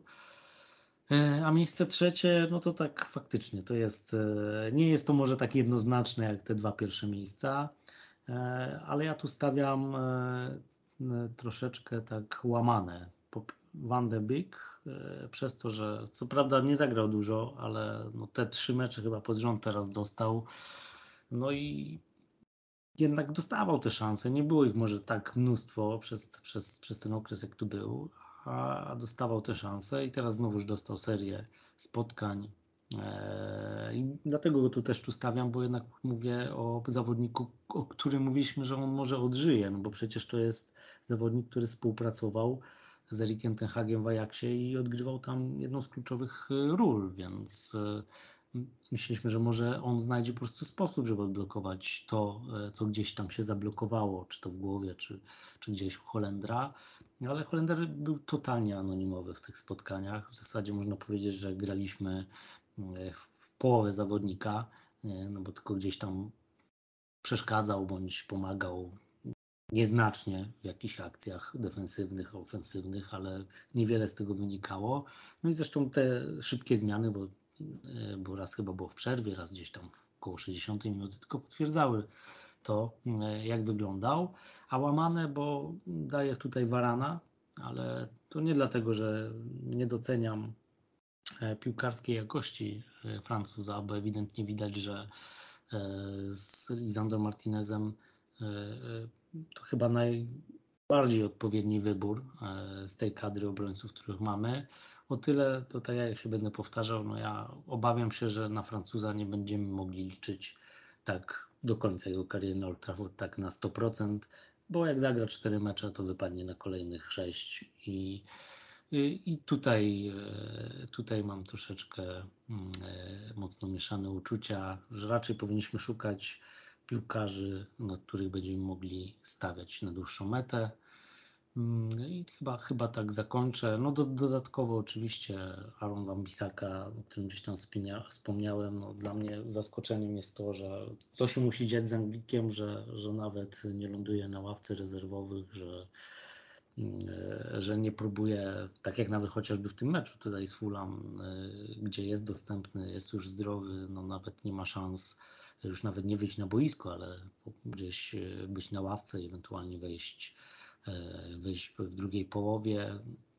No jest, jest to dla mnie mimo wszystko zaskoczenie, no bo ja mam wrażenie, że troszeczkę, troszeczkę Anglika za, moc, za surowo traktujemy, bo oczywiście miał swoje mankamenty w ofensywie, no ale ten pierwszy sezon na Old Trafford no, był jednym z tych lepszych zawodników i też się wszyscy z tym zgadzaliśmy. E, co prawda, no, my byliśmy w odwrocie i gdzieś jednak ta defensywa e, była bardziej chwalona niż ofensywa, ale, mm, ale no, dziwi mnie aż taki zjazd tego zawodnika. No i też Maguire, że, że jednak e, tutaj nie jest w stanie podjąć na razie rękawicy, widzę, e, i wskoczenia gdzieś tam do składu, nawet w tej rotacji. Co prawda, no gdzieś się tam przewija, ale, e, ale ewidentnie został wygryziony przez, przez Martineza. Mm, ale może to jest właśnie też kwestia oprócz samych umiejętności piłkarskich, e, to próby charakterów. Może po prostu tacy piłkarze jak Dalot, jak Martinez, tak, Varan, no może oni mają mają te charaktery troszeczkę inne w porównaniu do takiego Arona Wambisaki, którego no, ja zawsze kojarzę e, raczej z takiego wycofanego, stonowanego, nie, nie, niezbyt głośnego piłkarza i może to też z tego wynika. Mm, cóż, no i chyba, chyba na tym zakończę, bo tak więcej, więcej jakichś e, minusów nie mam. No troszeczkę, troszeczkę też mnie zawodzi, zawodzi Elanga, ale to jest młody chłopak, więc E, myślałem, że, że powiedzmy rozwinie się to e, w troszkę lepszym kierunku, ale ten, ten sezon zdecydowanie zdecydowanie gorszy niż, niż poprzedni, gdzie, gdzie gdzieś się wybił rangnika i był tym takim pupilkiem, bo przecież tak go określiliśmy i nawet jakieś tam liczby dawał. To mnie troszkę zszokowaliście, bo nikt z was nie wymienił Harry'ego Maguire'a. A mi się wydaje, że to taka dość e, oczywista postać. No ale jak on nie gra. No nie gra, ale dlaczego nie gra? No, Nie gra dlatego, że jest słaby, dlatego wydaje mi się, że w tej trójce zawodników, którzy nas najbardziej zawiedli, powinni się znaleźć, bo mimo wszystko, nieważne jaki tu był trener, to na Harry'ego Maguire'a zawsze stawiali wszyscy E, i uważali, że to był taki podstawowy obrońca, który, który niemal, niemal grał wszystko od deski do deski, e, a dzisiaj e, wpuszczamy go czasem na, na napad. E, żeby tam strzelił z główki Realowi Sociedad.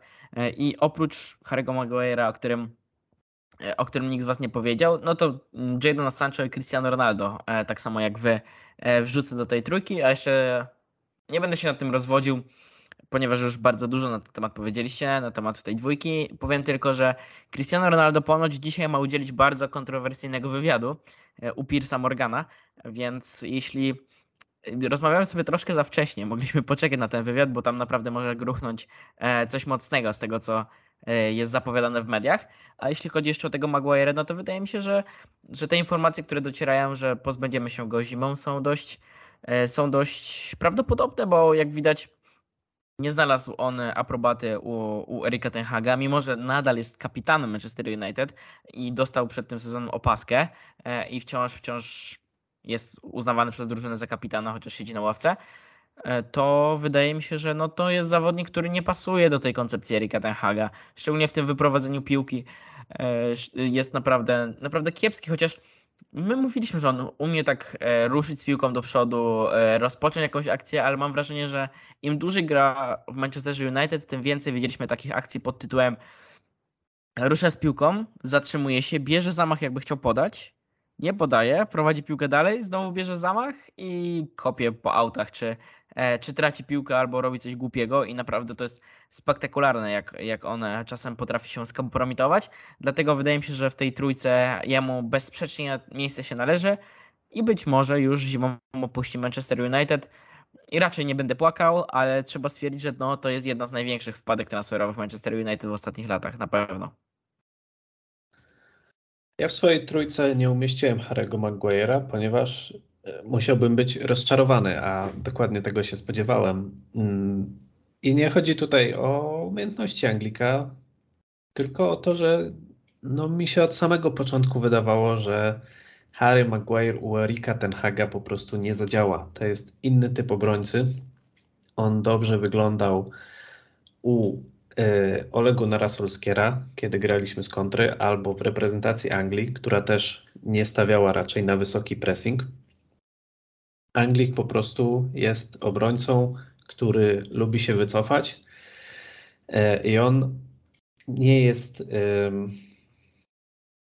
on nie jest proaktywny, tak jak lubi Erik Ten Hag, czyli nie działa z wyprzedzeniem, tylko on reaguje na to, co zrobi rywal. On się lubi wycofać, zobaczyć, co robi rywal i wtedy spróbować coś z tym zrobić. I to jest po prostu typ gry, który no, nie pasuje u Erika Tenhaga. I On nawet udzielił takiego wywiadu, przepraszam, że ci przerywam, udzielił takiego wywiadu ostatnio e, po tym spotkaniu z West Hamem, kiedy my się tak rozpaczliwie broniliśmy w końcówce.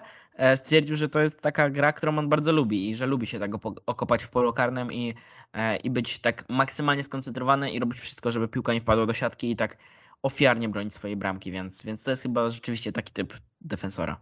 No, więc wydaje mi się, że on też znajdzie dla siebie miejsce y, w lidze angielskiej. Po prostu musi trafić do zespołu, który będzie właśnie w ten sposób grał i on będzie wtedy wyglądał dobrze, moim zdaniem.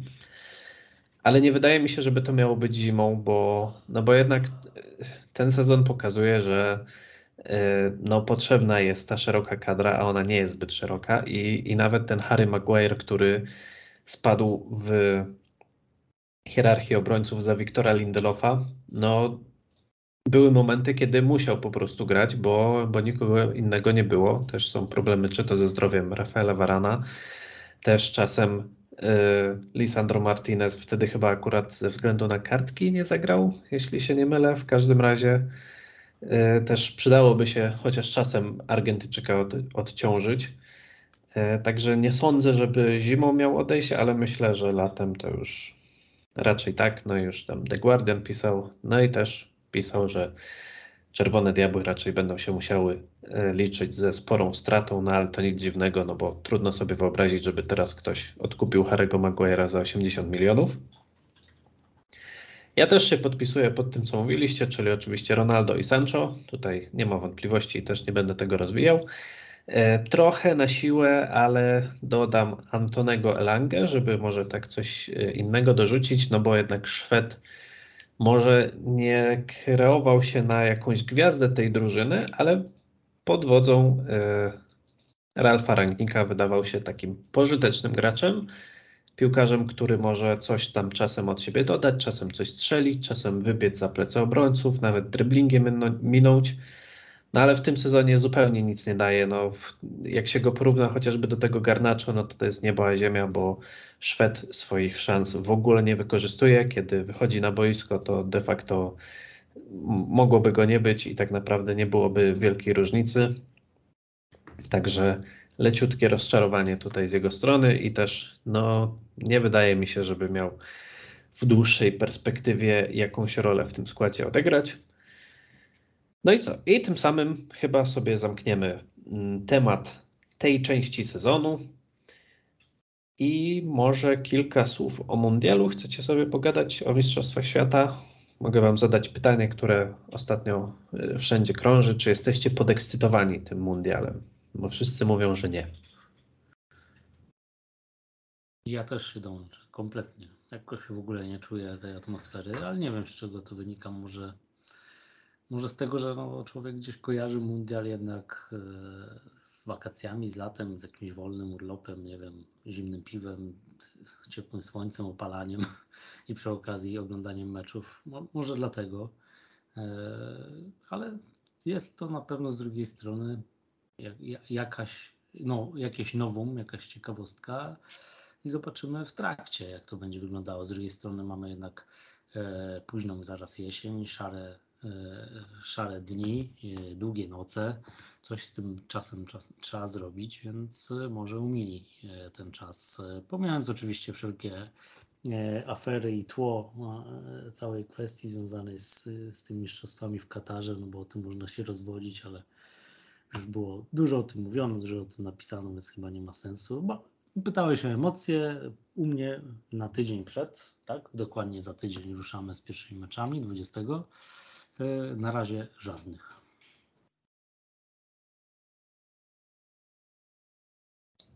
Z kolei ja bardzo mocno uzależniam mm, to, jakie będą emocje z występami Polaków. Myślę, że mm, jeśli Polska zrobi jakiś spektakularny wynik, czyli wyjdzie z grupy, e, to naprawdę będę się tym ekscytował.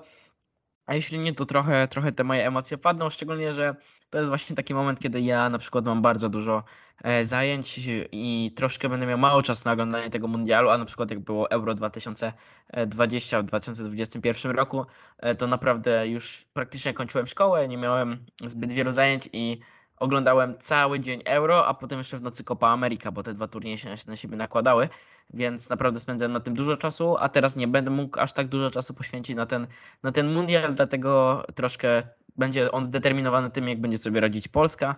E, I myślę, że możemy sobie tak trochę wytypować, kto wygra mundial. Wydaje mi się, że, e, że to jest dość ciekawe i który może z zawodników Manchester United, bo mi się wydaje, że nawet trzech zawodników Manchester United wygra mundial, ponieważ mundial wygra Brazylia, e, a powołany jest i Fred, i Casemiro, i Antony. I bardzo im życzę tego i będę kibicował na pewno w tym roku Brazylii.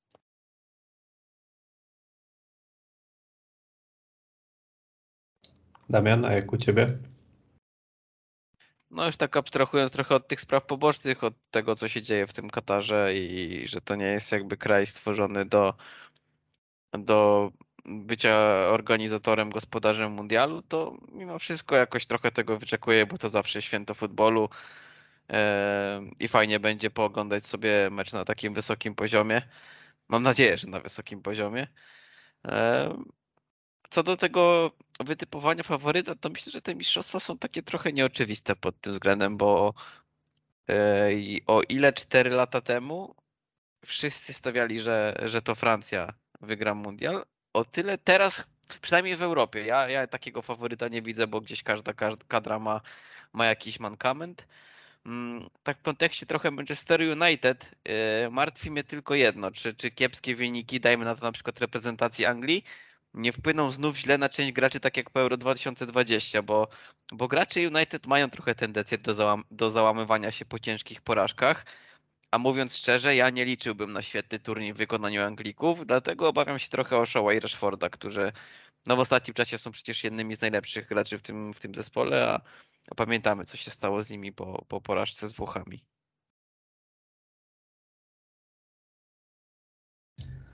Ja tak jakoś nie umiem poważnie podejść do tego mundialu. Tak cała ta otoczka, jeszcze teraz te wszystkie mniejsze i większe aferki, ci robotnicy poprzebierani za kibiców, te jakieś dziwne wywiady przedstawicieli y, z Kataru, wszystko to sprawia, że tak trochę się czuję, jakbym oglądał taką ligą, ligę polską, tylko w wydaniu międzynarodowym, że wiecie, jest takie po prostu natężenie tych absurdów, jakichś dziwnych sytuacji. I też mam takie przeczucie, że, że z wynikami może tak być, że się jakieś dziwne rzeczy będą działy. Tak sobie przeglądam drużyny, które są, bo myślałem, że może wytypuję jakiegoś czarnego konia, bo ja zazwyczaj lubię e, stawiać na takie zespoły mniej oczywiste i też takim kibicuję. Ale szczerze mówiąc, chyba nie ma nikogo takiego, kto by jakoś tutaj porwał moje serce. Nie, ja bym chciał może, żeby jakaś drużyna z Afryki coś osiągnęła, bo, bo te afrykańskie zespoły jakoś nie mają szczęścia do tych wielkich turniejów. E, a też wydaje mi się, że czasem piszą fajne historie. Nie wiem, może Maroko. Maroko. Będę czym, albo Zaganę, nie wiem. O Senegalu się dużo mówiło. Ja to będę kibicował chyba Portugalii i Danii. Yy, No właśnie, no i w zasadzie też tak, co mogą osiągnąć Czerwone Diabły, no to tutaj już wskazał Kuba, że może Brazylia, no faktycznie taki mocny skład jedzie. Z Portugalii oczywiście też trzech przedstawicieli, czyli Dalot, Fernandes i Ronaldo. W Danii e, no, Eriksen. Argentyna właśnie, ciekawi mnie w ogóle, czy Martinez będzie grał, bo on tam nie ma w ogóle pewnego miejsca, nie? Bo tam gra e, Otamendi i Romero. Romero. Byłoby trochę szkoda, bo, bo naprawdę dobrze się prezentuje. Z Francji nikt, z Hiszpanii nikt, Niemcy nie, Belgia nie. No Anglia, ale też tak ja już nie wierzę w Garetha Southgate'a i jego pomysł. E, Pytaliśmy się Was, czy chcielibyście jakieś takie pogaduchy, jakieś, nie wiem, podsumowanie, albo może w trakcie. I chyba tam jedna osoba napisała, że można coś takiego zrobić, więc no nie wiem, nie wiem, nie postaraliście się za bardzo, nie zmotywowaliście nas, ale jest jeszcze szansa, możecie to zrobić. Dajcie znać, czy byście coś takiego chcieli. E, Na pewno napiszcie w komentarzach swoje top 3 rozczarowań oraz top 3 najlepszych zawodników tej tak zwanej rundy jesiennej w Manchesterze United. Poza tym, oczywiście, zachęcamy też. Dajcie znać, co myślicie o mundialu, e, komu kibicujecie, kto uważacie, że wygra, czy uważacie, że ktoś z Manchesteru United przywiezie trofeum. I co? No i chyba będziemy się żegnać. Trochę już sobie pogadaliśmy. E, Pamiętajcie, żeby dawać łapy w górę, bo to będzie fajnie podnosić nam wyświetlenia na, e, na YouTubie i też komentarze. Możecie się podzielić z kimś naszym podcastem, jeżeli chcecie. Możecie nas słuchać w różnych miejscach, możecie na Spotify'u, wszystko możecie. Możecie komentować na stronie i zobaczymy, czy spotkamy się jeszcze na przykład w trakcie mundialu, czy już po nim sobie jakoś podsumujemy. Ale tam też będzie niedługi okres, bo tak mówiliście o tym Carabao Cup i właśnie chyba 4 albo 5 dni po finale mundialu jest e, ta czwarta runda Carabao Cup z Berlin, więc też będzie ciekawie. No i dobra. Dziękujemy, jeżeli wytrzymaliście do tej pory. Mamy nadzieję, że Wam się podobało, że się nas dobrze słuchało. E, Dzisiaj opowiadali dla Was Sebastian Słabosz, Dzięki, do usłyszenia. Damian Domitrz, Dzięki, trzymajcie się. Jakub Kurek Dziękuję bardzo. I Paweł Waluś. No i co? Mamy nadzieję, że słyszymy się albo w trakcie, albo po mundialu i zobaczymy, czy uda się coś tam poruszyć ciekawego na ten temat i czy na przykład będzie wielka, skandaliczna wypowiedź Cristiano Ronaldo o tym, że nie wiem co, coś się stało. No nic. Trzymajcie się i do następnego razu.